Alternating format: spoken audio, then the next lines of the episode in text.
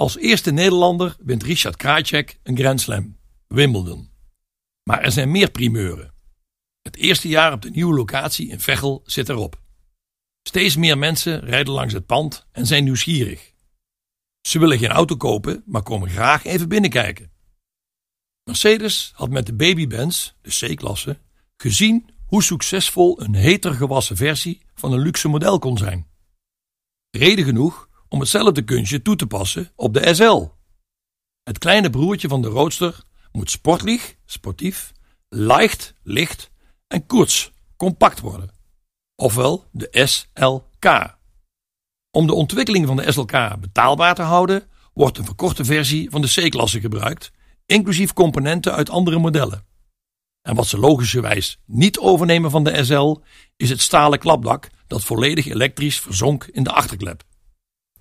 Het Vario-dak, zoals Mercedes het noemde, wordt speciaal voor de SLK ontwikkeld en maakt mede het succes voor de SLK.